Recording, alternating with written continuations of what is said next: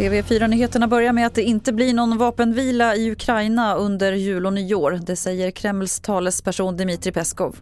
Den ukrainska befolkningen tvingas fira jul och nyår under fortsatta ryska attacker. Ett eh, tillbakadragande från Ukraina till årsskiftet är helt otänkbart enligt Peskov och ett fredsavtal med Kiev är omöjligt. Ukraina måste erkänna de fyra östra regionerna som ryska, säger han. Samtidigt kom Ukraina med nya anklagelser mot Ryssland igår. I staden Cherson ska barn ha torterats, uppger Ukrainas parlament. Reporter här var Noah Tott.